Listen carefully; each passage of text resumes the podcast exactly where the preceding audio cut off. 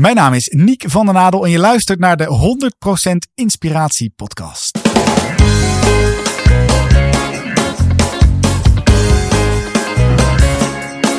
Hey, wat goed dat je luistert. Hij staat weer voor je klaar. Je wekelijkse dosis inspiratie is weer daar.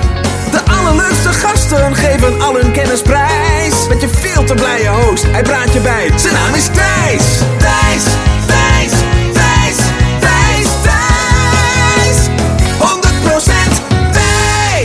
Welkom bij Intens 125. Niek van den Adel. Ik heb hem geïnterviewd. Ehm, ik ken Niek uit het sprekerswereldje. We zijn allebei keynote speaker over inspiratie, over omgaan met verandering, over geluk en succes. En nou, wat is dan het verhaal van Niek? Hij heeft op zijn zachtst gezegd een eh, bijzonder levensverhaal. Op zijn 28ste eh, ging hij onderuit op de motor en ehm, ja, dat leverde hem een dwarslesie op. En uiteindelijk kwam Niek erachter dat pijn bij het leven hoort en dat iedereen in welke mate dan ook te maken heeft met verandering die ongewenst en ongepland is in het leven. Iedereen heeft te maken met tegenslagen in het leven.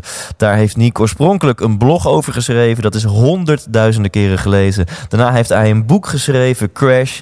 Dat is direct een bestseller geworden. En inmiddels staat hij meer dan honderd keer per jaar op het podium. Om op een congres, een evenement, voor het bedrijfsleven, voor de zorg.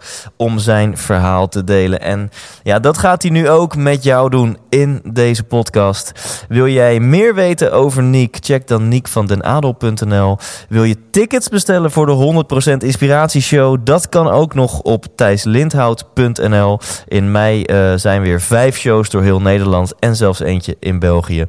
Um, en als je dit interview afluistert, dan ontdek je ook nog een unieke winactie. Ik bedank Niek alvast. Heel tof dat jij de tijd nam voor dit interview. We gaan elkaar snel weer zien. En uh, voor jou als luisteraar veel plezier en inspiratie. Hier is Niek van den Adel. 100% Hepske. Uh, wij zien elkaar, of dit gesprek duurt nog maar uh, uh, 2 uur en 12 minuten. Dus als in, wij hebben 2 en 12 minuten geleden afgesproken om, om het interview in te gaan.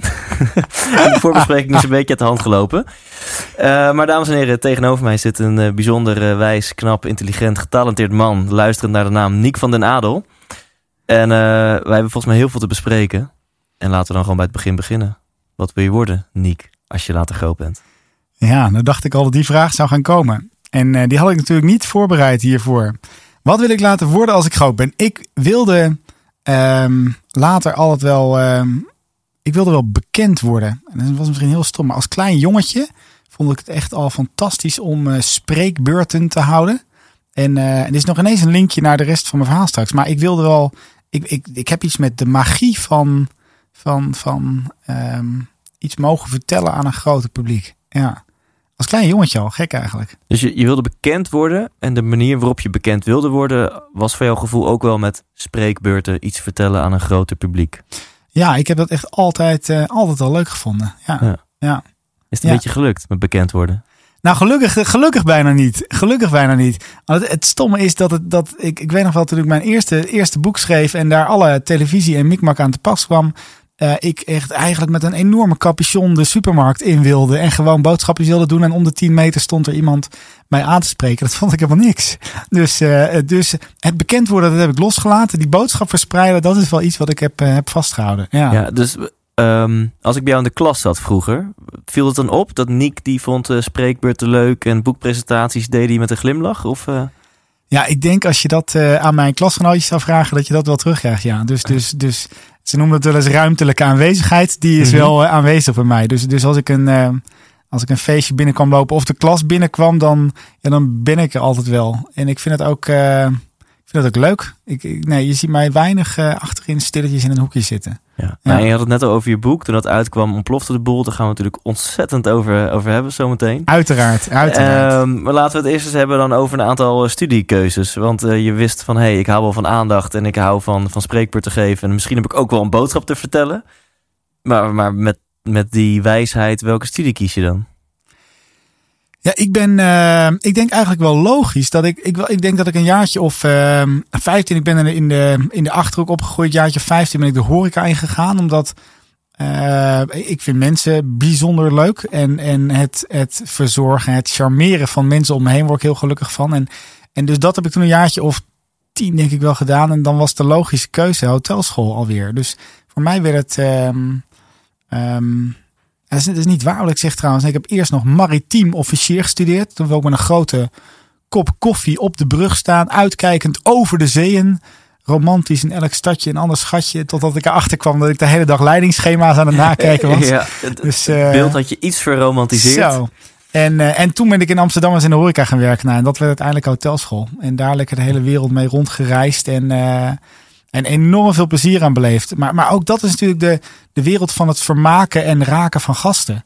En, en nog steeds heb ik, ehm, heb ik een hoop aan. Ook in mijn, ook in mijn werk. Maar, maar ik blijf het nog steeds bijzonder leuk vinden om voor mensen te mogen.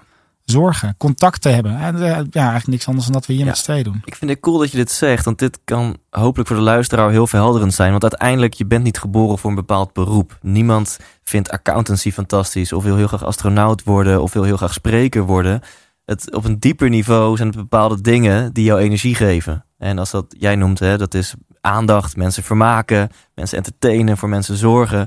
En dan kan je 800 beroepen uitkiezen. Dan kan je keynote speaker worden, dan kan je de horeca ingaan, dan kan je eh, heel veel soorten doen. En dat is denk ik de essentie om erachter te komen. Wat zijn die onderliggende vaardigheden of activiteiten of, of, of waardes die jou energie geven. En dat, daar past een heel breed scala aan beroepen bij. Ja, Ervaar je dat zelf ook zo? Ja, Ja. helemaal eens. Helemaal eens. Dus, dus het maakt ook niet uit of jij dat. Eh, eh, nou, het maakt voor mij niet zo gek veel uit. Ik denk als ik morgen geen werk moest hebben, zou ik echt prima als cashier bij de Jumbo kunnen gaan zitten. En dan de hele dag maar een beetje met mensen praten. Ik vind Ja. het echt. Als cashier nog wel. Ja, als cashier nog wel. Ja, nee, ik verander graag. Ja, ja, ja. Ik, doe dat, ik doe dat heel makkelijk. Je ziet meteen een kans. Twee vliegen in één klap. Zoiets. Ja, door de week te boeken voor al uw evenementen als inspirerend spreker. Maar in het weekend. Trekt Oh. hij vrouwenkleren aan en rekent hij uw boodschappen af. Nico Lientje noemen ze dat. Ja, ja, zo gaat dat. Zo gaat dat. Ehm, laten we maar gewoon meteen naar een heel belangrijk moment in jouw leven gaan.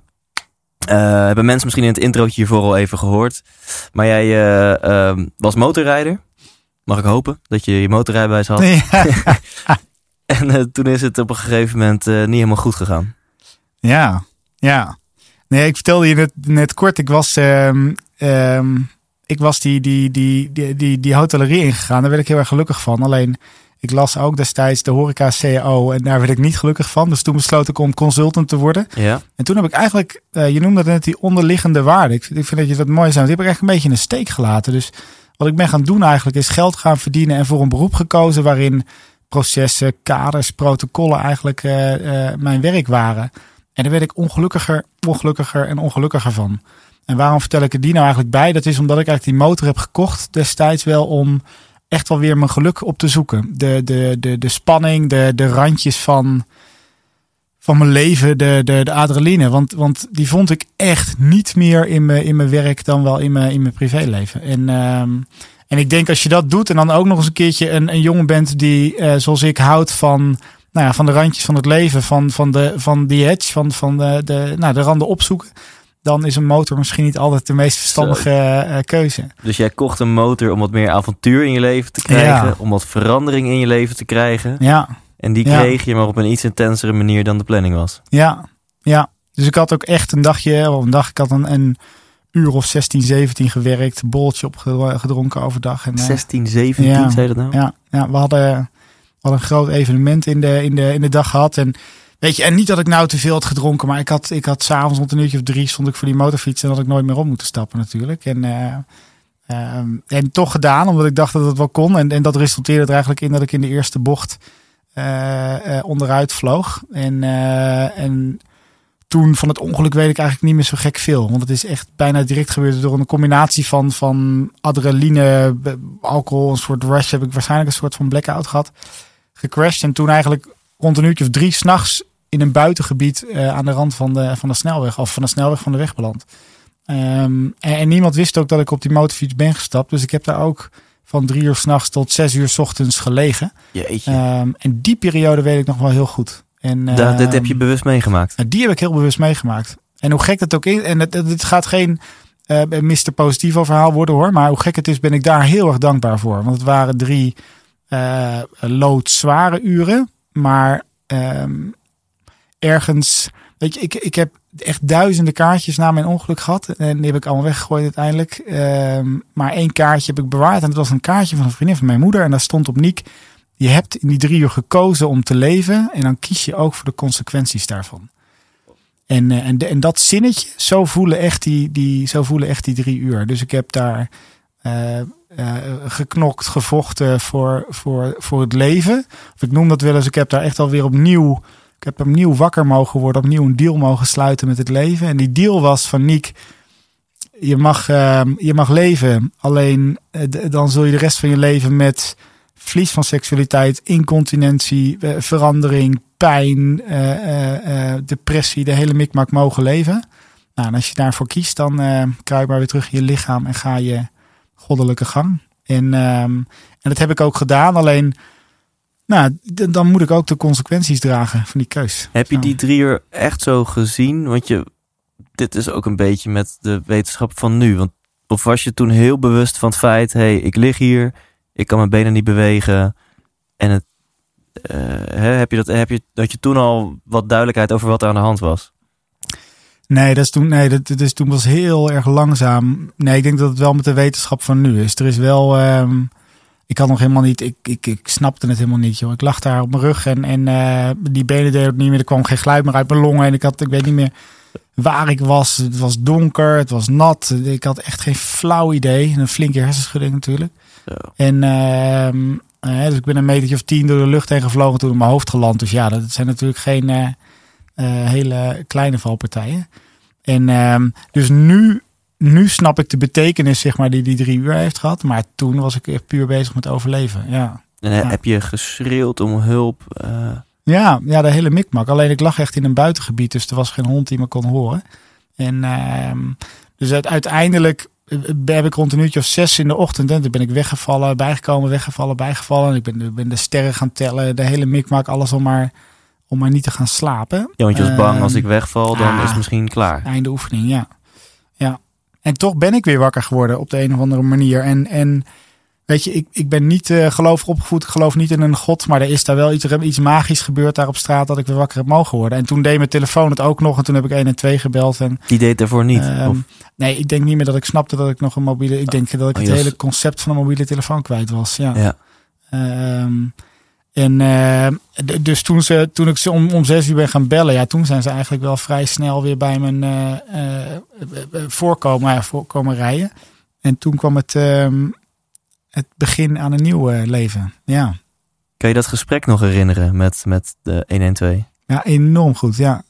Echt een super lieve mevrouw. Ehm, ik schaamde me kapot. Dat weet ik ook echt. Ik krijg dus, ik krijg een, dat kunnen de luisteraars niet. Ik, krijg een glimlach op mijn mond. Ik krijg gewoon een glimlach op mijn mond als ik zenuwachtig word. En, uh, en ik kan nog steeds zenuwachtig worden dat ik schaamde me kapot toen ik die mevrouw aan de telefoon had. Uh, want ik wist op dat moment in één keer weer, fuck de duk man. Ik heb gewoon gedronken. Holy fuck, wat moet ze wel niet van mij vinden? En, uh, en ze was zo ongelooflijk lief dat ik me nog erger schaamde ongeveer. Maar ja, ik wist helemaal niet wie ik was. Ik wist niet waar ik was. Het enige wat ik nog wist was het mobiele telefoon van mijn vader.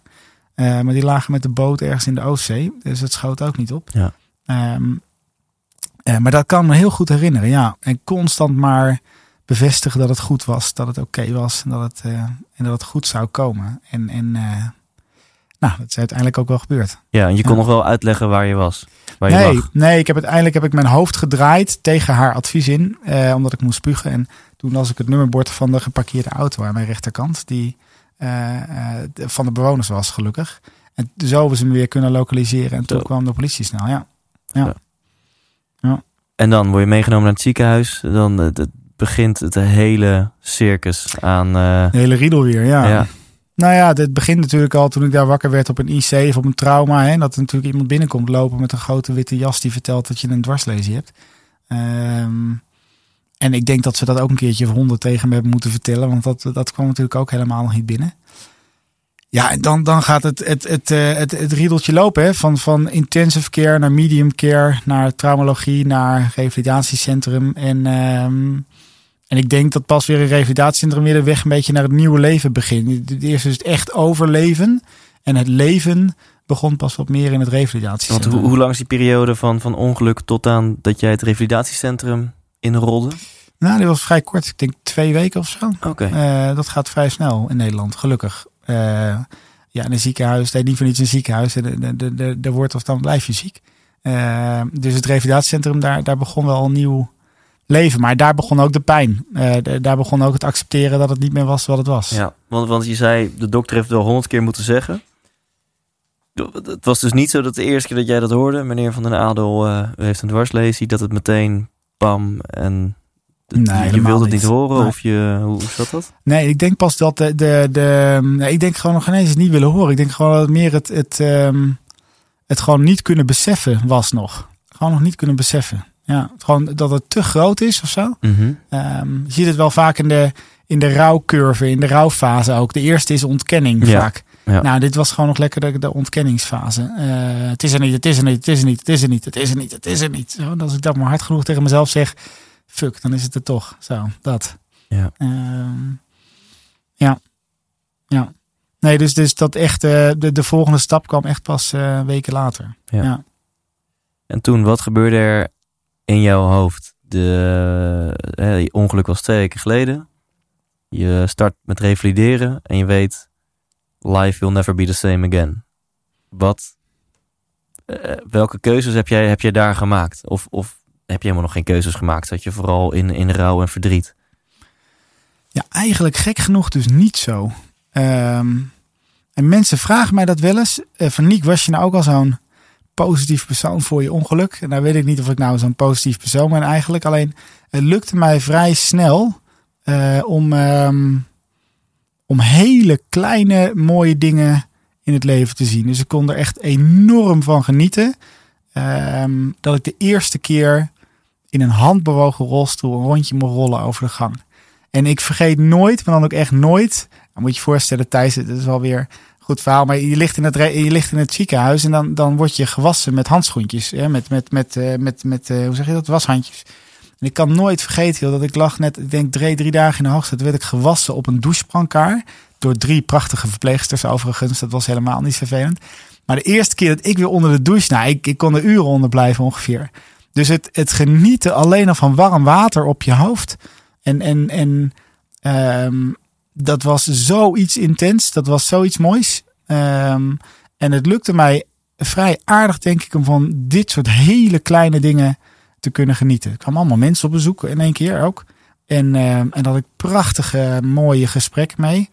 En vergis je niet, want er waren, er waren huilbuien en tranen en verdriet genoeg. Alleen bij dat verdriet lag ook direct een hele hoop liefde. Ja. Ehm, en en eh, dat zie je ook wel vaak, denk ik, als mensen overlijden. Begrafenissen zijn ook vaak heel treurig, maar ook heel mooi Ja. of zo. En ik denk dat het ook in die periode. Dus, dus ik kan af en toe ook echt terug verlangen naar mijn ziekenhuisbedje. Omdat ik nog nooit van mijn leven zo'n pure periode heb meegemaakt. Dat ik zo ongelooflijk niek was of zo. Wauw. Ja, Omdat dan misschien alle, alle schillen van je afvallen. Het enige wat dan echt nog overblijft is, is niek. Naakt, misschien wel letterlijk. Mhm, mhm. ja, maar ik denk dat dat het ook is. Ik denk dat je dat heel goed zegt. Alle schillen vallen letterlijk weg. Ja.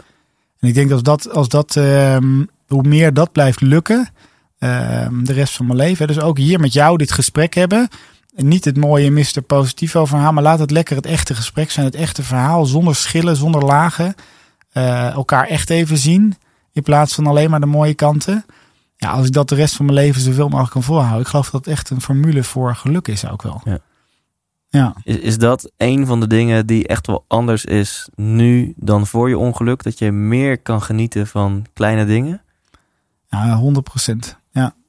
Ja, 100 procent. Zei ik in de 100 procent inspiratieshow eh, tour, weet ik veel. Dat Mooi is dat een mooi bruggetje dit. Wat slecht. Van tevoren hebben we nog een sheet Ah, met man, alle wat slechte grappen. Ja. Nee maar, nee, maar ik denk wel dat die daar ligt, eh, Thijs. Ik denk wel dat dat. ehm, ehm, en, dat en dat is. En, en ik merk ook dat dat in het revalidatiecentrum dus ook makkelijker was dan daarna. Want daarna kwamen alle, alle slommeringen in het leven er weer bij. En werk en kinderen, nou, ga maar de hele mikmak. Dus het was daar ook. Ik kon me daar ook alleen maar even op echt die hele mooie kleine dingen herinneren. Ja. Eh, of s'avonds dat iemand eventjes toastjes met brie kwam brengen. eh, eh, die ze zelf hadden gekocht. Dat soort kleine dingen. Ja. En heb, kan je dan je vinger erop leggen wat maakt dat je sinds of door dat ongeluk nu meer kan genieten van de kleine dingen? Ja, ik denk het wel. Ik denk dat dat komt. ehm, eh, kijk, in mijn geloof er zijn twee manieren om heel snel te groeien in het leven. Dat is of heel veel pijn meemaken, letterlijk, of heel veel investeren in persoonlijke ontwikkeling. En daar geloof ik heilig in. Dus het, het heel veel pijn meemaken. Je ziet het ook wel veel bij vrouwen die bijvoorbeeld kanker hebben gehad. Hè. Ze noemen dat heel mooi een posttraumatisch groeisyndroom. Vind ik ook een erg mooie uitdrukking.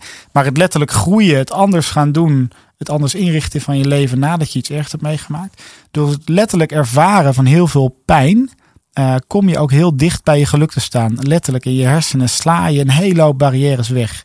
Ehm, dus dus eh, ja, de formule van een geluk. Ik kan mijn publiek ook vaak wel een hele gezonde dwarslesie toewensen. En dan Ja. zit de helft mij heel raar aan te kijken. En ik denk dat dat heel goed is. Ik bedoel maar spreekwoordelijk. Maar ik geloof er wel in. Ja. Ik geloof dat de shit, de rotzooi, de ellende in je leven je heel dicht bij jezelf brengt. Ehm, en als je daaraan toe durft te geven. Eh, want het wil niet zeggen dat als je alleen maar shit meemaakt, dat je dan een gelukkig mens eh, bent. We zien de voorbeelden ook wel eens anders eh, voorkomen. Je kan ook Donald Trump heten of zo. Maar eh, ik, ik denk wel, als je daaraan toe durft te geven, daar iets mee eh, probeert te doen. Dus ik heb nou, mijn hele spaarrekening leeggegooid aan coaching, opleidingen, goeroes, al tijdens mijn revalidatiecentrumperiode. Omdat ik wist dat als ik nu niet aan mezelf ga werken, nou, dan ben ik de lul. Ehm, want dan heb ik gewoon iets heel rottigs meegemaakt. Maar kan ik daar de rest van mijn leven ook, ehm, eh, ook last van hebben. Ja. En, en eh, vergis je niet, ik kan er ook echt wel last van hebben. Eh, alleen het brengt ook hele mooie dingen. Ja. Ja. En kijk, iedereen maakt pijn mee in het leven, fysiek en mentaal. Ja. En voor mensen die dit horen en ehm, ja, daar nu ook aan denken, dat het resoneert, dat je denkt aan je eigen shit en pijn, dan is een, een mooie uitspraak van, nou ja, voor je het weet heb je een PTGS-syndroom, posttraumatisch groeisyndroom. Ja, heb ze keetje. Ja. Heb ze En, keetje. eh, We gooien er nu vast in. ja, cool. Ja. Ja. Eh, en jij ervaarde, als ik dat zo goed hoor, wel een soort van keuzemoment. Want je zegt, nou, ik ben dus tijdens mijn revalidatie volle bak persoonlijke ontwikkeling. Want je voelde aan, anders dan gaat dit misschien wel een heel naar verhaal worden van dat ik, want dan word je misschien verbitterd en dan ga je ergens in Ja. eh, weet ik veel waar, je leven uitzitten en klagen en marineren in je eigen zelfmedelijden en ongeluk. En jij dacht, dat gaat hem even niet worden. Ik ga ervoor kiezen om, om te groeien. Ja, absoluut. En ik denk, en ik denk dat dat dus ook een. eh, en ik denk dat dat een, het is een onderdeel van mij van, maar ik denk dat dat een keus is. En, eh, en die keuze is niet makkelijk en die keuze kan ook niet iedereen zomaar maken. Maar ik denk nog steeds wel dat het een keuze is. Het is, het is een keuze om om te gaan ehm, met de pijn die je in je leven hebt. En of dat voor jou een scheiding is of, of, of, een, of een werk eh, waar je ontslagen wordt. Of dat het een ongeluk is of dat je je kleine teen stoot. Ehm, kijk, voor een profvoetballer die zijn kleine teen stoot, is dat op dat moment vele malen groter dan mijn dwarslesie. Het is alleen aan hem of aan haar de keuze om er iets mee te doen. Dus je kan twee weken met zijn grote teen op de bank gaan zitten, eh, huilen, eh, Netflixen. Eh, of je kan misschien wel, eh, weet ik veel, gaan schrijven of iets Ja, anders. ben, je er echt van overtuigd dat voor iedereen een keuze is? En Nee. Nee, absoluut niet. Nee, dat heb ik jarenlang geroepen. Geluk is een keuze.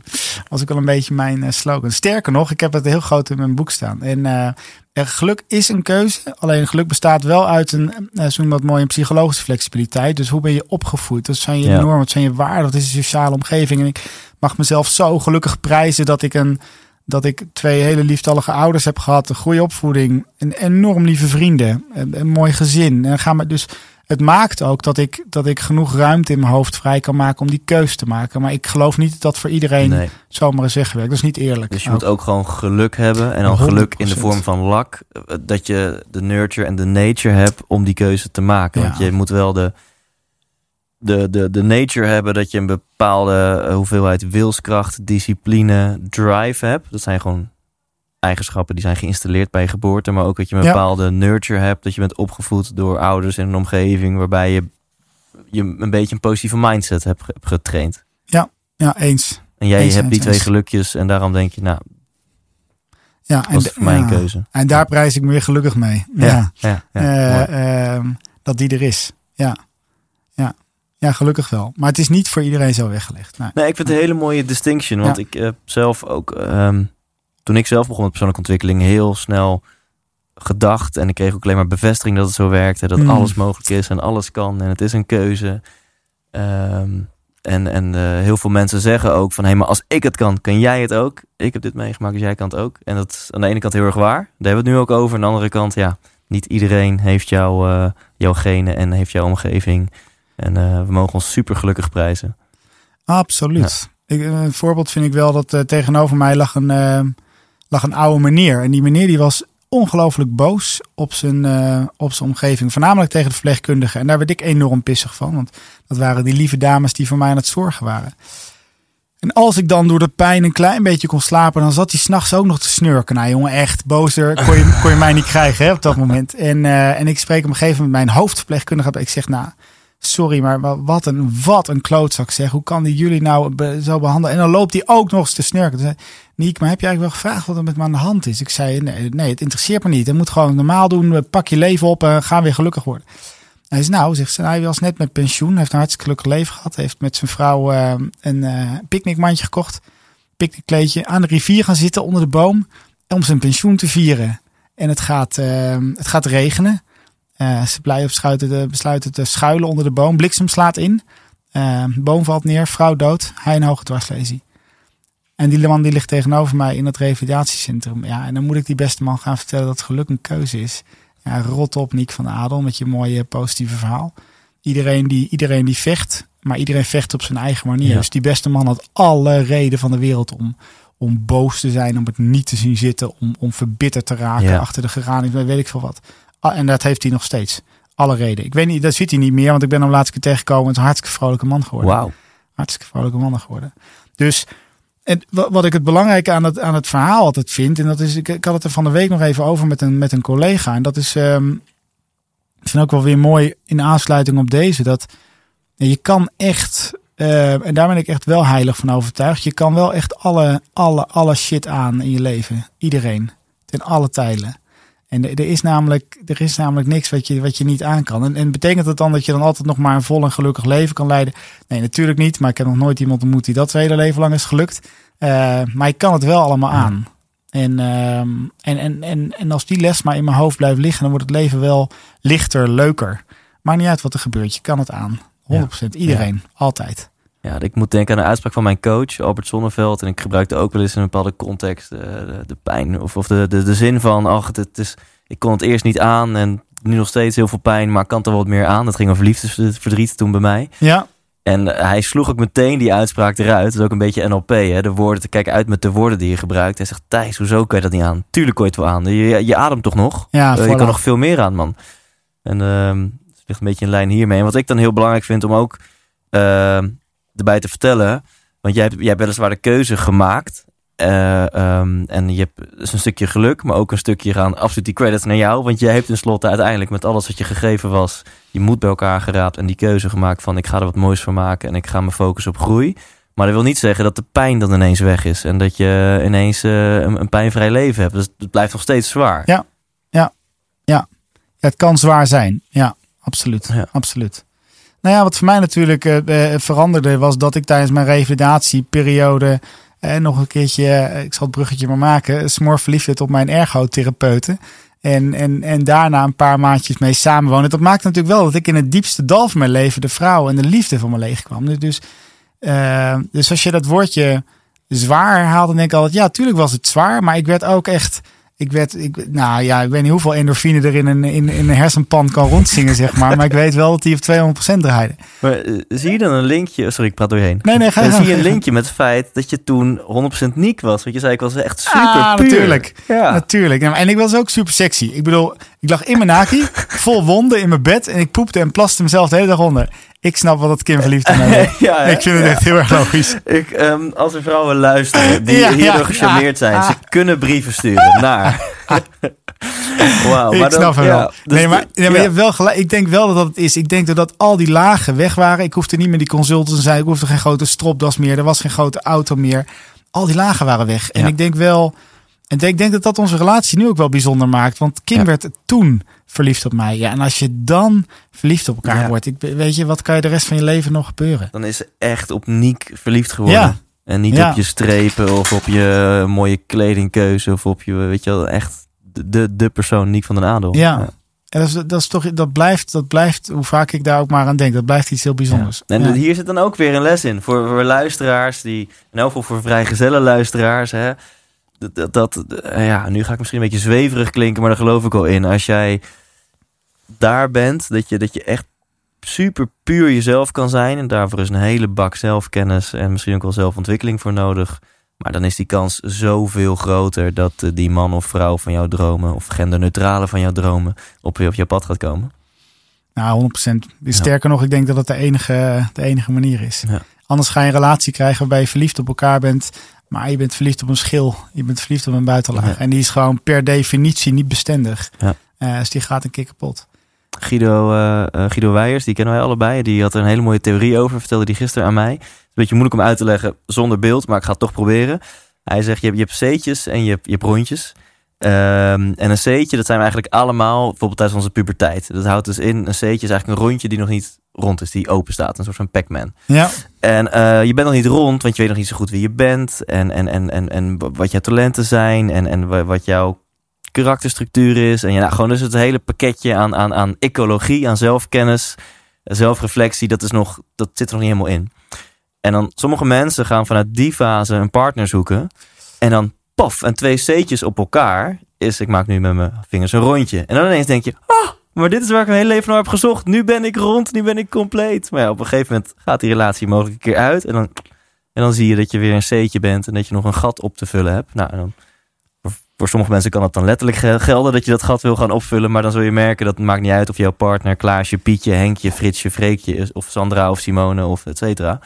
Eh, het, het gaat erom dat je eerst jezelf helemaal leert kennen en dat Ja, rondje voilà. wordt. En dan kan je de metafoor afronden door te zeggen... Hey, en twee rondjes bij elkaar is een veel hechtere verbinding... en een veel gezondere verbinding. wat Nou, mooi. Zegt de Guido toch nog wijze dingen. Dat, Ja. Dat, eh, ja. Het eh, heeft er alle schijn van dat die man best wel eens nadenkt over dingen. Ja, ja, ja, ja, ja, heel goed. Oké, en ehm, laten we ook echt absoluut weer teruggaan naar jou. Want je hebt er uiteindelijk een boek over geschreven. Ook nog. Ja, Ook Crash. En, en eh, dit is echt een onmogelijke vraag. Maar ja, dat is niet voor niks onze inspiratiepodcast. Eh dat boek, want die gaan we zo meteen ook verloten natuurlijk. Onder luisteraars, die ga je signeren. Super tof. Maar voor de mensen die hem niet eh, ehm, ehm, willen kopen of willen lezen of gaan kopen of kunnen betalen of wat dan ook. Kan jij hem eens samenvatten? Wat zijn nou een paar van de grootste lessen die, die jij in je boek omschrijft? Ja, ik, ik denk dat het, dat begint bij mij met, eh, met het onderzinnetje. En, en ehm, de onderzin, in het, het, hij is in het Engels ook nog een keer vertaald. Het is eigenlijk in het Engels veel mooier. Maar eh, some people need a brush with death to start living. Eh, oftewel, sommige mensen eh, gaan pas leven als ze eigenlijk dood hadden moeten zijn. En dat is de ondertitel van het boek. En ik denk dat het, dat het daarin in korte lijnen voor mij wel over gaat. Hoe ga ik weer hoe ga ik weer het maximale uit het leven halen? En hoe ga ik er weer zorgen, ondanks alle ongemakken, dat ik ervan geniet? Hoe kies ik weer voor liefde in plaats van pijn? Ehm, hoe kies ik weer voor eh, geluk in plaats van voor gemak? Ehm, en het is een autobiografie, dus het, het, vertelt letterlijk gewoon wie ik ben, waar ik vandaan kom, in al mijn onhandigheden en al mijn handigheden. En ik weet nog dat ik in het revalidatiecentrum lag. Ik had nog nooit van mijn leven geschreven. Ik ben maar gewoon een keer gaan bloggen, want dat was hartstikke hot destijds. En, ehm, en toen dacht ik, als ik nou hier in dit bedje lig en iedereen die reageert eigenlijk zo goed op mij ehm, en vertelt dat ik eigenlijk best wel lief en mooi ben, ondanks dat ik in dit bed lig, ehm, dan mag misschien de rest van de wereld ook wel gewoon weten wie ik ben. En toen ben ik maar gewoon eens op gaan schrijven wat ik echt doormaakte. Niet het mooie verhaal, maar gewoon wat ik echt doormaakte. En daar kreeg ik zulke gave en mooie reacties op uit het hele land. En dat, nou, die, die, die blogs die werden nou goed, er zitten blogs bij die werden 260 tot 300.000 keer gelezen. En, en, en die, die ontplofte. En, ehm, en alleen maar om op te schrijven wie ik echt was. En toen dacht ik, shit, ik mag gewoon mezelf zijn. Wat is dit voor een rare wereld? Ja. Ik hoef helemaal niet tof en stoer en snel en blitz. Ik mag gewoon mezelf zijn. En toen ik drie jaar geleden inmiddels een hele goede vriend Peter Smollers tegenkwam, die ook nog eens bijzonder goede boeken eh, kan schrijven. Eh, ehm, en ook, de, ook mijn uitgever is geworden. Toen, eh, toen zei hij, oké, laten we samen dat boek eens eh, op gaan schrijven. En ik wilde geen ghostwriter, want ik had inmiddels al drie of 400 van die blogs geschreven. Ja, zo. Maar het was een beetje wel mijn behoefte om, om de rest van mijn leven. Het was ook een belofte aan mezelf. Ten alle tijden eerlijk te blijven naar de rest van de wereld. Eh, en, en ook nu blijft het altijd weer de uitdaging. Het hoeft dus niet de grote, wat ben ik succesvol, meneer van de Adel, uh, Niek uh, show te zijn. Maar het mag gewoon ook gewoon nu nog eerlijk zijn. Dat het gewoon op periodes ook gewoon niet goed gaat. En, en uh, zakelijk, dan wel financieel, dan wel emotioneel. Ja. En, ehm, nou, en als ik dat maar blijf durven, blijf doen, dan geloof ik dat ik, ehm, dat ik zoveel mogelijk mezelf kan blijven. En dan blijft het leven gewoon leuk. Uh, dus Crash is een, is, is een autobiografie. Wie ben ik geweest? Wat is er allemaal na mijn ongeluk gebeurd? En waar zijn die drie prachtige dochters en een ADHD hulphond die hier nekker uh, naast op de vloer ligt te maffen? Uh, Joep. Dus als jullie af en toe wat geheig horen trouwens, dat is Joep en niet Thijs. Dat is misschien wel goed om erbij te vertellen ook.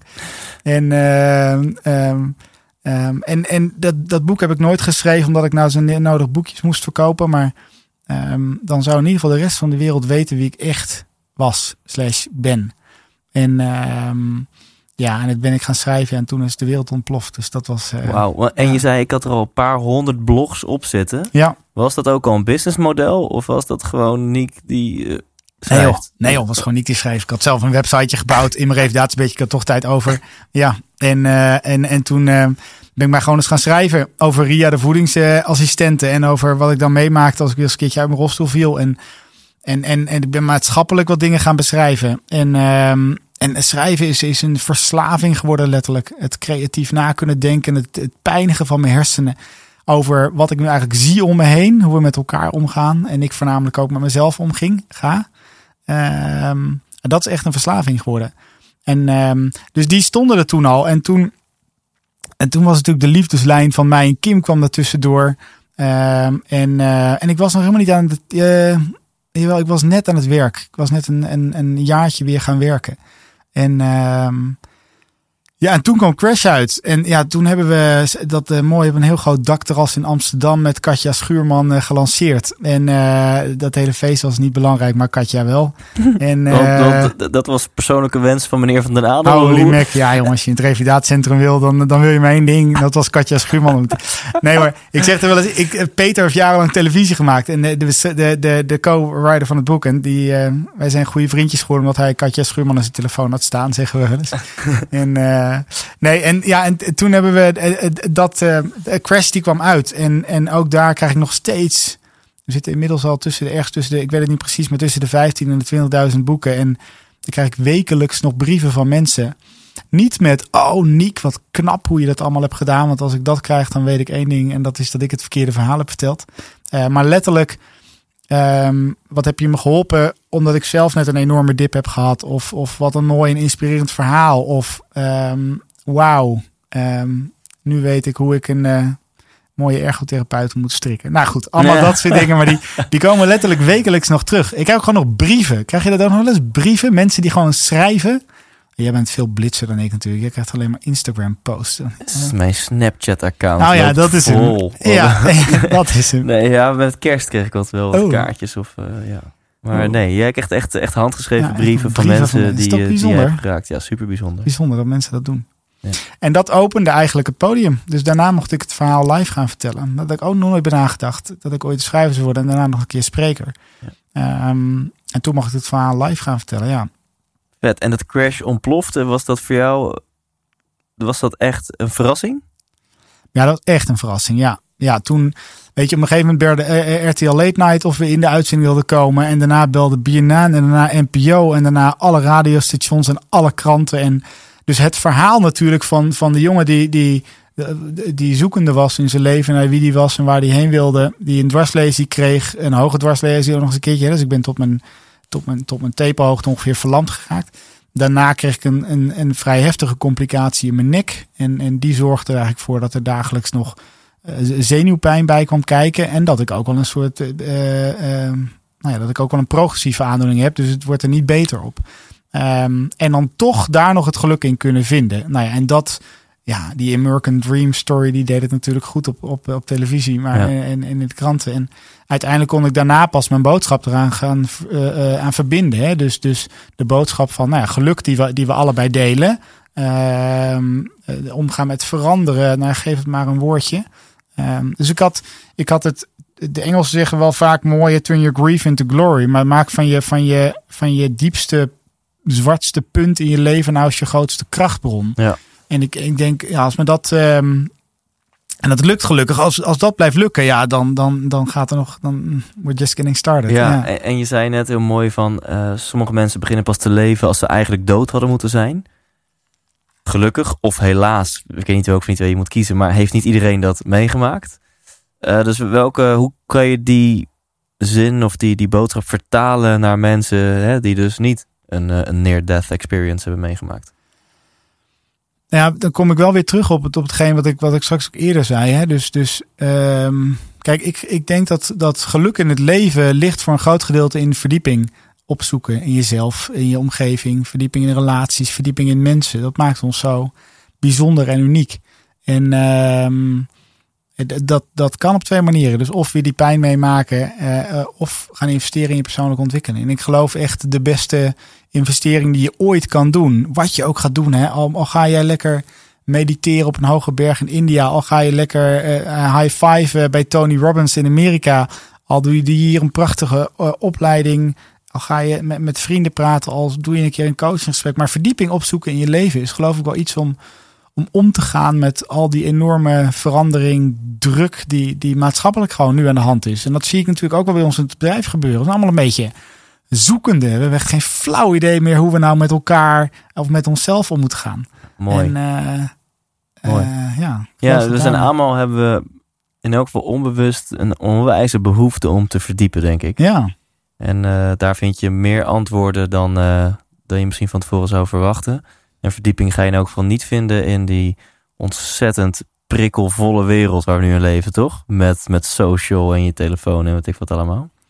ja, dat denk ik ook niet. Dat denk ik ook niet. En, en ik heb dus af en toe die, ehm, die pijnprikkel nodig om me dat te realiseren. Ja. Eh, dat zie je natuurlijk vaak mensen. Nou, ja, onze leeftijd net iets, iets jonger nog. De, de, het mooie dertigersdilemma, de burn-out, de depressies. Wij leven, blijf ik zo bijzonder, we leven in een van de gelukkigste landjes ter wereld. En we hebben het hoogst aantal depressies ongeveer ter wereld. En het blijft, dat blijft zoiets mafs in Nederland. We hebben het zo godvergeten goed met z'n allen. Ja.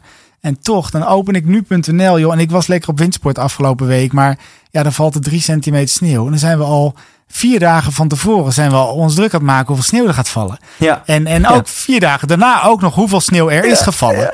En ja, en, en, en dan moeten we blijven benoemen hoeveel file er stond. En dat is natuurlijk een beetje een metafoor voor ons denken hier. Wij kunnen, wij kunnen ons leven, wij kunnen ons. Wij, wij, wij kunnen zo goed focussen op al die dingen die niet goed gaan. Op al die dingen Ja. die niet lukken. Maar kijk eens om je heen. En Ja. kijk eens hoe goed we het wel niet hebben hier. Ehm, en, en, en dat geldt ook voor jezelf. Je hebt alle recht op een depressie. Je hebt alle recht op je dertigersdilemma. Je hebt alle recht op een burn-out. Absoluut. Ik ga hem niet onder stoel en bank schrijven hoe vervelend en hoe moeilijk het is. Want er gebeurt echt iets in je hersenen. Ja. Maar alsjeblieft zeg, hou eens op. Kijk om je heen. En kijk eens hoe godvergeten goed je het hebt. Ja. Ik was eergisteren, leuk dat je het zegt, ik was bij de, bij de slager eergisteren. En toen eh, was het einde middag of zo. En, en zij maakte gewoon zo'n smalltalk praatje van zo, die sneeuwval blijft maar doorgaan of zoiets. En ik zeg, ja, echt superleuk. Ja, ja En precies. toen Ja. zegt ze, wow, je bent de eerste klant vandaag die dat zegt. Ik zeg, "Wa- die wat zegt? Ja, leuk. Ik zeg, wat dan? Ja, de rest loopt te klagen erover. Ik zeg, hè? Ja, Maar dat, ja. En, dat is bijzonder. ja, is, is interessant. Ja, dan wordt het 30 graden. En dan open je nu.nl en dan lees je hoeveel, hoeveel ouderen er doodgaan. En ik kijk Ja. naar buiten en ik zie de zon schijnen. En, en, en, en dan regent het. En dan open je nu.nl en dan zie je hoeveel file er staat. En ik kijk naar buiten en ik, wat, jee, meneer, wat mooi voor onze natuur. Ja. En zo, en daarmee begonnen we dit gesprek ook wel. Zo gaan kijken naar dit soort kleine dingen. Hè, wij, wij mochten samen, eh, eh, Thijs en ik, eh, eh, met kerst eh, natuurlijk prachtige Rocking Up Christmas doen. Daar heb je misschien wel of eh, niet iets al over verteld hier in je, in je podcast. Ja, Eh. mijn vaste luisteraar weet wel wat Rocking Up Christmas is. Ja. Ja. En, eh, en als ik dan om me heen kijk naar zo'n zaal waar een paar honderd man, eh, wat vier, vijfhonderd man ehm, zitten genieten van iets moois, waarbij we ook nog echt iets moois voor een ander mogen betekenen. En dan daarbij stilstaan. En ik wil dat zinnetje wat ik vaker gebruik, hè, stilstaan is vooruitgang. Dus stilstaan en om je heen kijken. eh, en genieten gewoon letterlijk van wat er om je heen gebeurt. Ja, dat is wel gelukkig een wijsheid die ik na die dwarslezing een stuk meer ben gaan waarderen. Ja. Ehm, en misschien ook wel een oplossing voor een hele hoop dingen. Want in ieder geval doorrennen zoals we nu doen is niet de oplossing. Is het ook iets wat je altijd verwerkt in, jou, in jouw praatjes voor het bedrijfsleven? Want eh, voor het luisteraar naar jouw boek eh, wilde ineens bedrijven jou wel inhuren als spreker. En voor je het wist had je een, eh, had je een nieuwe baan. En dat is nu jouw, jouw fulltime beroep eigenlijk, toch? Ja. Om, te, om jouw verhaal te delen met groepen. Ja. Ehm, dus dat, wat je het net over had, hè, jongens, we hebben het zo ontzettend mooi. Meer genieten van de kleine dingen. Kijk om je heen. Is dat iets ook wat je ja, het bedrijfsleven mee wil geven? Ja, absoluut. Kijk, ik, ik was een, eh, van Crash kreeg ik zulke mooie reacties. Ik dacht, hoe kunnen we dit nou verbreden hè, en vergroten? Dus ik ben daar keynotes van gegeven in Nederland en ook veel in het buitenland inmiddels. En, en die gaan over eh, eh, letterlijk over het inspiratieverhaal wat nog steeds mag. Die gaan over omgaan met veranderen. Die gaan over gastvrijheid, wat mijn oude vakgebied nog steeds eh, natuurlijk was en is. Eh, oftewel, gaan we gewoon op een andere manier met elkaar om? Ehm, en als ik dan achteraf wat vraag van, goh, wat is u nou eens bijgebleven? Dan is het eigenlijk hetgeen wat je net hebt verteld. Dus het geluk halen uit deze, uit de kleine dingen. Eh, hetzelfde keuze hebben hoe je met, met, met tegenslag, veerkracht, wendbaarheid. Ja. Ehm, dus, dus, dus daar gaan de keynotes veel meer om. En als ik dan ja, bij een grote club naar binnen rol en, en er is een enorme reorganisatie gaande, dan begrijp en zie ik echt wel de pijn. Ehm, en ik kan mensen altijd een enorm complimenteren en, en enorm feliciteren met een ontslag of met een burn-out. Ik denk dat dat de grootste cadeautjes zijn die we in ons leven krijgen. Als we ervoor kiezen eh, eh, om er bewust mee om te gaan. Ja, als je gewoon een half jaar plat gaat en daarna ga je weer verder waar je gebleven was. Ja, ja. dat is ook een keus. Ja, dat Ja. mag ook. Mag Ja. ook. Heb ik tenminste vaak genoeg gedaan in mijn leven. Ja. Ehm, eh, dus, dus ja, tijdens, de, tijdens de, de, de, eh, de keynotes is dat wel hetgeen wat ik wil blijven vertellen. Omdat ik daarmee wel, er zit wel een rasidealist tegenover je. Het is wel mijn manier om de wereld wat mooier te maken. En ik zeg altijd, ik werd wakker in een wereld die ik gewoon niet meer helemaal begreep. Ineens niet meer begreep. Ja. Ehm, en als ik die iets mooier mag maken, op wat voor manier dan ook, door boeken te schrijven, door, door, door publiek te mogen bereiken, door voor tien basisschoolleerlingen te staan of voor 15.000 managers in een zaal, dat maakt me niet gek van uit. Eh, maar als ik dat blijf doen, dan, ehm, dan draag ik wel op mijn manier in ieder geval bij. Ehm, en uiteindelijk word ik daar weer een heel gelukkig man van. Ja, ik vind het mooi als ik nu het interview mag samenvatten tot nu toe. Dan, ik kijk natuurlijk door de bril van, van een soort van eh, geluksonderzoeker, geluksexpert. Ja. En dan drie dingen hoor ik terugkomen. Eén, eh, genieten van de kleine dingen. Eh, Dus kijk om je heen. Geniet nu van dit interview wat wij hier samen hebben. We zitten tegenover elkaar met een microfoon tussen ons in. En geniet van de sneeuw als het sneeuwt. Geniet van de zon als de zon schijnt. En twee, je hebt een aantal keer genoemd vanuit verdieping, groei, ontwikkeling. Dus investeer in je eigen groei en in je eigen ontwikkeling. En ehm, tot slot de derde. Ehm, eh, dat verandering is iets moois. Eigenlijk. Dat, dat, dat, er is niks zo eh, zeker als het feit dat het leven continu verandert. Hè? Dat is gewoon een hele belangrijke constante in het leven, verandering. En jij geeft mensen mee, of het nou een reorganisatie is, of een burn-out, of een trauma, of een eh, gebroken kleine teen. Verandering is mooi en is ook weer een hele mooie kans om te groeien. Eens. Ja, helemaal eens. Helemaal eens. Ik heb wel de laatste, ehm, de, de laatste drie maanden, de, dankzij die dwarslezing, gingen er bij mij nog zo'n 37, 40 pillen in per dag. Hè, om bij mij de pijn enigszins onder controle te houden. En ehm, daar was ik klaar mee. Ik was klaar dat mijn geheugen het niet meer deed. Dat mijn gezondheid achteruit ging en ga maar verder. Dus in december zijn we samen met een, eh, met een psychosomatisch therapeut en een pijnteam, een hele mikmak. Ehm, ben, ik dat, ben ik die pijnmedicatie. Dus, van die, van die, dus ik zit nu op 10% nog van hetgeen wat ik slikte. En de, en de gabapenine, de amitriptyline, de morfine. Nou, de hele mikmak is eraf. En als je het hebt over verandering zeg maar, in je leven en het omgaan met veranderen, dan kan ik A. ehm, de rete trots op zijn dat het is gelukt. En dat, het, dat ik, dat ik ehm, de pijn veel beter kan verdragen eh, in mijn leven. Dus de pijn is niet minder geworden. Ik heb alleen gewoon geleerd in mijn hoofd om eh, door mindfulness, door, door, door Joep de hond te aaien, door met mijn dochters te knuffelen, ik hele andere stoffen aan kan maken en anders met mijn pijn om kan gaan. Maar misschien is dat ook wel een, een metafoor. Dus ik zal daar de aankomende jaren ook nog wel veel meer over gaan vertellen. Ehm, ik denk dat de, de, ehm, het omgaan met, met pijn in ons leven, het goed om leren gaan met tegenslagen, ehm, dat ook misschien wel een, een succes voor een gelukkig leven kan zijn. Dus het gebruik maken van veranderen, het gebruik maken van tegenslagen, het gebruik maken, ja, dat hoort gewoon bij ons leven. Wij Ja. denken, zeker onze generatie, man, dat het leven maakbaar is en dat we maar kunnen kiezen voor een gelukkig leven. Ja, dat is natuurlijk gewoon niet zo. Iedereen maakt shit mee. Ik ook en jij ook. Ja. Gelukkig maar. En als we leren daarmee om te gaan, Ja, dan zijn in, in ieder geval de, de, uh, vanuit het dal is het een stuk prettiger om omhoog te kijken. Uh, maar het is ook vaak de enige weg waar we naartoe kunnen kijken. Dus um, nou, daarin groeien. Als ik dat mee mag blijven geven aan mensen, dan, um, dan, dan denk ik dat we daar kunnen we echt stappen in maken als mensen. Ja, ja, ja. het is zo mooi dat jij Weet je, je doet wat je zegt, want het zijn hele mooie woorden, maar je bent dus zelf gewoon gestopt of je bent je medicatie aan het afbouwen van tientallen pillen die niet voor niks worden voorgeschreven. Ja. Dat is gewoon nodig. En jij denkt, ja, fuck dat. Allemaal bijwerkingen, allemaal chemische shit. Um, wil je daar misschien nog iets meer over vertellen? Want ik ken je natuurlijk ook persoonlijk. Ik weet dat dat echt met ups en downs gaat. Hoe, hoe, hoe gaat dat afgelopen drie, vier maanden om, om van die medicatie af te komen? Ja, lastig. ja, dat was geen, dat was geen makkelijke. Maar de, de, de, kijk, ik kreeg drie dochters, dus mijn toekomstperspectief veranderde wel iets. Als in, ik wil ook nog wel een, een vader worden die wel langer van zijn dochter kan genieten. En uh, nou, met alles wat er naar binnen ging, merkte ik echt dat mijn lichaam ging veranderen. Uh, mijn geheugen ging veranderen. Um, maar Kijk, wij, wij, zijn, wij, zijn, we hebben een somatische gezondheidszorg waarin, we, noemen dat mooi de pijnpil. Er is pijn, pil erin, pijn, pil erin. Eh, voor griep gaan mensen al antibiotica slikken omdat ze denken dat het werkt.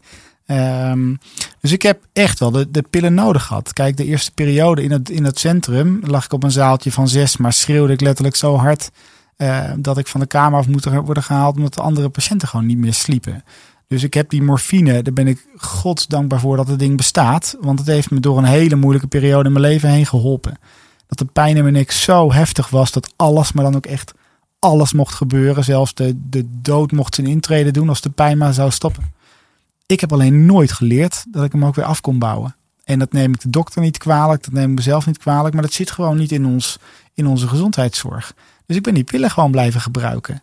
En ook nog gedacht dat ik ze nodig had.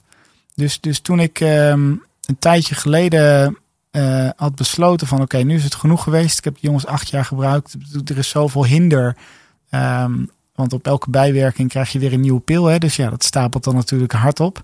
Um, het is nu tijd om de, de niet alleen die pillen af te bouwen, maar het ook tijd om de pijn weer meer toe te laten in mijn leven. In plaats van hem alleen maar weg te stoppen. Er is niks makkelijker dan een pil te slikken, want dan hoef ik de pijn niet te voelen.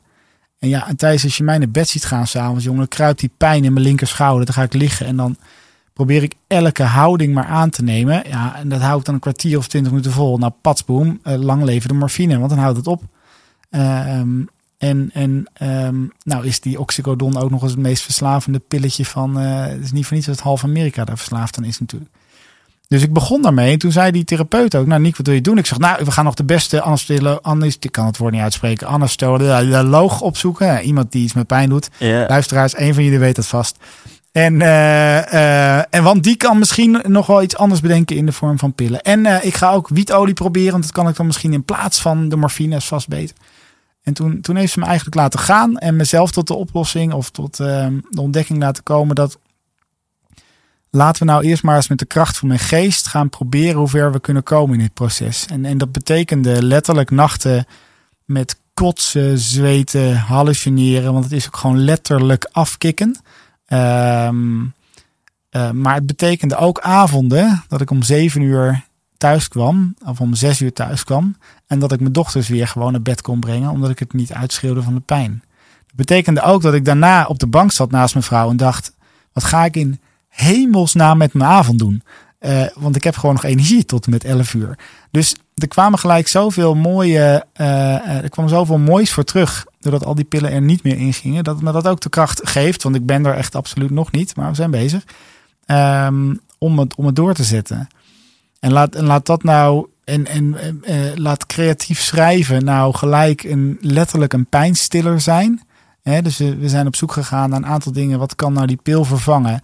Dat is letterlijk, eh, letterlijk uh, endorfine, letterlijk knuffelen. Dat is letterlijk dopamine, hè, beloning geven in je hersenen. Oxycotine, dat is, dat is letterlijk gewoon stofjes aan gaan maken.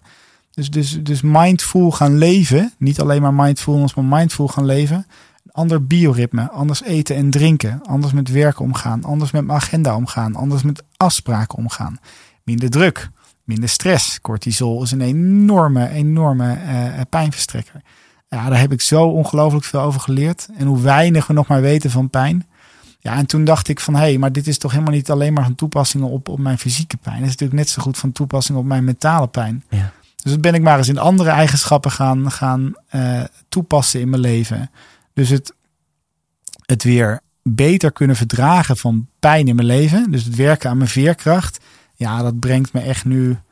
Ik heb alweer de eerste tien hoofdstukken van mijn nieuw boek geschreven. Ja, dat, dat, dat gaat als, als een. Alleen al omdat ik gewoon zie dat we in een samenleving leven waarin we pijn alleen maar weg proberen te drukken. We slikken allemaal de pijnpil. Jij ook, ik ook. Zijn we niet gelukkig in ons werk, kopen een nieuwe auto. Patsboom is een pil. Zijn we niet gelukkig in ons huis, gaan verhuizen. Patsboom is een pil. Eh, we, zijn, we zijn zo Ja, ongelooflijk op hard korte bezig. termijn, Netflix is een pil, een ja, biertje, een wijntje is een 100%. pil, een Ja. pizza bestellen is een pil, eh, in bed blijven liggen is een pil. Ja, ja. En dat, dat ging ik pas echt begrijpen toen ik, toen ik er zelf van aan het afkicken was. En, eh, en dat vind ik ook bijzonder. Ik bedoel, het is ook gewoon. eh, Ik ben je geen heilige. Ik doe er net zo goed zelf aan mee. En ik hoef ook geen. De weg naar verlichting is lang. Ehm hoef het morgen niet te zijn. Ehm, alleen door het weer te gaan beseffen. En letterlijk dus door, door in ons leven gewoon beter pijn te kunnen verdragen. Niet alleen maar de leuke dingen. Want dat, dat wordt vaak. Dan hebben we weer die maakbare leven. Hè? Dat, dat maakbare wereld. We gaan nog meer leuke dingen doen. Uh, maar daar ligt geloof ik de winst niet. Ik geloof dat de winst er nu in ligt om gewoon weer om te kunnen gaan met tegenslag. Kunnen we gewoon niet meer. Mijn kinderen Ja. die raken overstuur als ik een andere Netflix-serie opzet. Hè? Dan is dat drama bij ons thuis. Vroeger keken we gewoon, vroeger, nou ik echt oud. ja, ja, ja. Keken we gewoon telekids, moest je gewoon kijken wat eruit kwam. Ja, dus wij, wij kunnen ook, ja zo, wij kunnen ook niet meer met, met die veranderingen. De, alles is maakbaar. Alles is maakbaar, Ja. denken we. Totdat je een motorfiets koopt. Ehm, en drie uur op de straat ligt. En daarachter komt dat het leven niet meer zo maakbaar is. En voor mij is de motorfiets, voor jou is het een, een burn-out. Of voor jou is het een, een, een, een liefdesverdriet. Of voor de ander is het een... Maar we komen het allemaal tegen. Ja. En, ehm, en ik denk dat we gewoon leuker mensen worden als we daarmee leren omgaan. Kleine stapjes. Eh, maar iedereen kan het. Iedereen kan het, 100%. Alleen, ja, en niet 1, 2, 3. Nee. Ik word er gewoon een beetje stil van. Want, eh, Een mooie metafoor. eh, die vraag om, om die jezelf te stellen. wel- Welke pillen slik jij? Weet je wel? Welke pillen slik ik? En dan dus niet letterlijk in jouw geval. Maar al die andere dingen in je leven. Die je eigenlijk doet om eventjes niet te voelen wat je te voelen hebt. Of om afleiding te vinden van wat je echt te doen hebt. Precies, precies. Ja. Ja, dus nou ja, goed, eh, nieuwtje. Het nieuwe boek gaat ook de pijnpil heten, letterlijk. En het is mijn recalcitrante kijk op de maatschappij. Maar het gaat letterlijk hierover, welke pillen slik je? En, ehm, en de vraag is, wat maakt je dan gelukkiger? Hè? Die pil blijven slikken? Oftewel, keihard werken, vijf dagen in de week thuiskomen en alleen nog maar een klein beetje energie hebben. En het kleine beetje energie wat je dan hebt besteden aan Netflix. Want dat is wat we dan vaak nog doen, omdat we gewoon we hebben gewoon geen tijd en energie meer om iets anders te doen, joh. En anders, weet je, het alternatief is dat je moet gaan communiceren met je Holy partner. fuck, man. En uh, daar zie je er niet op te wachten. Nee, daar Nee, we hebben niemand geen energie meer voor. Ik leerde van de week dat ik ongeveer zeven minuten quality time met mijn vrouw heb. Dat hebben, dat hebben wij eh, jonge ouders ongeveer per dag. En als ik één ding zeker weet, is dat wij redden het nu prima. En Kim en ik vinden elkaar hartstikke leuk. Maar als wij dit vijf jaar lang of zes jaar lang blijven doen, nou, dan vinden we elkaar niet meer leuk. Dat, dat, is, Nee. dat, is, dat is één ding wat zeker Nee. is.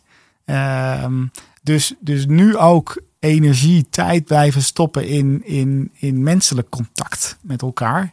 Of hele andere vieze dingen doen. Maar goed, je hebt vast ook jonge luisteraars. Dat kan ik allemaal niet vertellen hier. eh. Eh, Nee, eh, dat kunnen mijn luisteraars niet Nee, aan. nee, dat dacht ik al. Straks, Dat- eh, dat dacht straks ik breng al. je ze op ideeën. En, Ah, bah, seks. Ja. ja. Ehm, ik leg hem even bij jou neer, want ook, ook gezien de tijd. Ik, Ja. ik zou je nu on the spot kunnen zetten. Maar eh, we kunnen ook zeggen van, nou ja, we, we laten het bij deze intense slotboodschap. Dat was een vraag. Dat was een vraag, Ah, vraagteken. dat was een vraagteken. Wil- je nog on the spot gezet worden? Nou, kom maar on the spot. Kom maar door. We zijn toch bezig.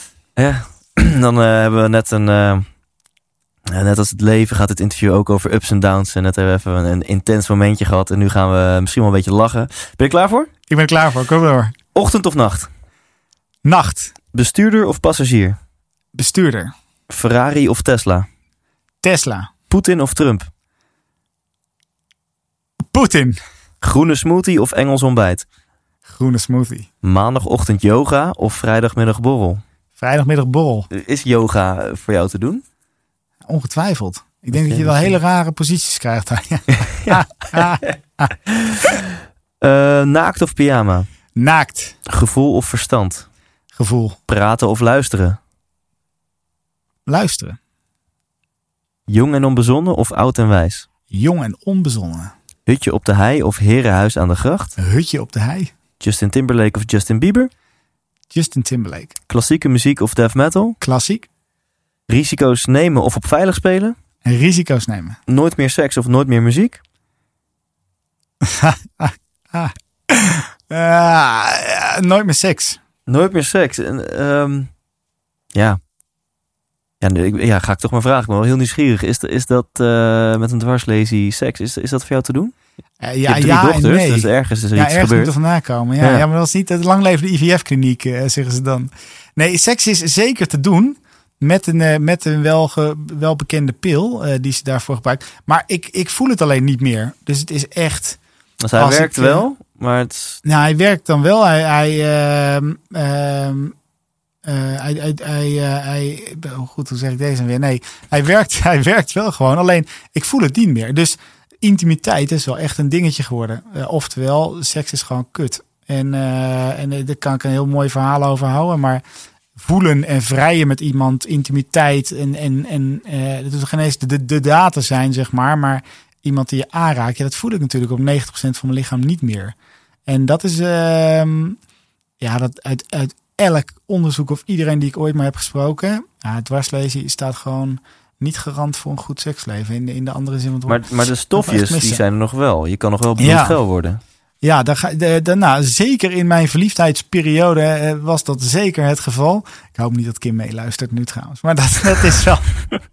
als, als, eh, nee, maar ook als, als drukbezet eh, een man met drie jonge kinderen... Dan, hoef, dan is het sowieso niet goed voor je seksleven. Tel daar die dwarslesie bovenop. Is dat wel een dingetje. Maar ik, ik, denk, ik denk absoluut dat het mogelijk is. Die staat op een bucketlist. Dat moet ook wel een keertje iets met... ehm, kom, hoe, hoe noemen ze dat nou? Eh verdorie, tantra of wat dan ook in mogelijk zijn. Het gaat Mm, Ja. ooit nog wel een keertje lukken. Maar, maar eh, hij, ja, hij, heeft, hij staat nu nog niet hoog genoeg. nee, letterlijk, nee. eh, mooie metafoor. Om, om, hem, om hem te gebruiken. Ja. Ja. Maar het is zeker nog mogelijk. Ja, Cool. gelukkig wel. Ehm, geld maakt gelukkig of geld maakt ongelukkig? Geld maakt gelukkig. Nederland uit en er nooit meer in? Of Nederland in en er nooit meer uit? Nederland uit en er nooit meer in.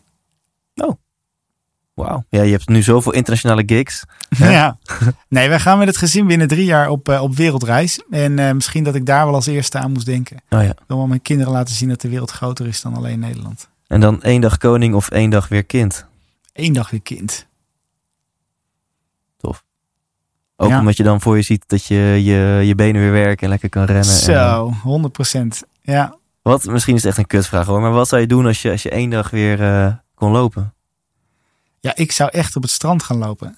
Ja, ja de, de, dat letterlijk op, het, op de, op de, weet je wel, op, op, het, eh, op de rand van het water en het strand. En dan daar met je blote voeten doorheen lopen.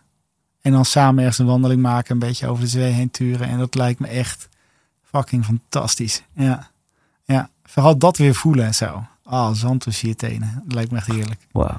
Ja. Wie weet. Technologie. hey, voilà. Ja. Dankjewel, Niek. Is er ehm, nog iets van wijsheid wat jij met de luisteraar wilt delen aan het einde van, eh, van dit uurtje? Nou, ik geloof dat we. ehm, Nee, ik geloof dat we echt een. Ik heb een erg leuk gesprek met je gehad weer, eh, Thijs. En, eh, en, en ik geloof dat we een hoop hebben kunnen. kunnen zeggen tegen elkaar. Ja. Ja, dus een, een mooie one-liner er tegenaan gooien heeft, geloof ik, geen toegevoegde waarde Ja, meer. precies. Het doet misschien af aan hoe mooi dit gesprek gewoon was. Denk En ik wel, Mensen ja. kunnen Ja. zelf de, de waarde eruit halen. Ja. Thanks. Dank. Cheers.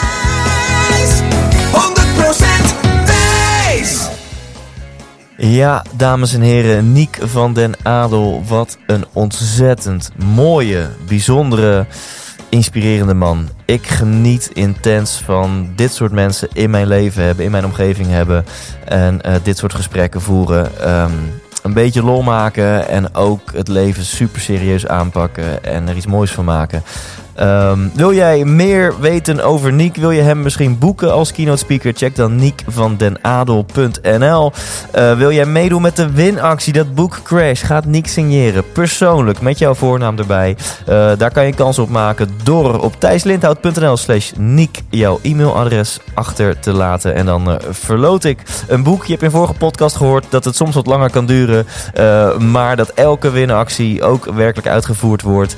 dus heb je dat nog gemist? Check de outro van Intense 124. In die outro uh, maak ik de winnaars van een hele hoop winacties bekend. Uiteraard heb ik de frisse intentie om, uh, om dat voortaan gewoon wekelijks te doen. Dus als het even mee zit, maak ik dan volgende week al de winnaars bekend. Drie stuks het boek Crash te winnen dus op thijslindhout.nl slash niek. Ja, en als je daar dan toch bent, uh, check dan meteen uh, überhaupt thijslindhout.nl eventjes. Want je kunt tickets nog bestellen voor de 100% inspiratieshow. je gaat veel leren over geluk en succes tijdens een avond uit. En um, ja, in mei is dat gewoon weer te zien bij een theater bij jou in de buurt. Tot volgende week. Leef intens.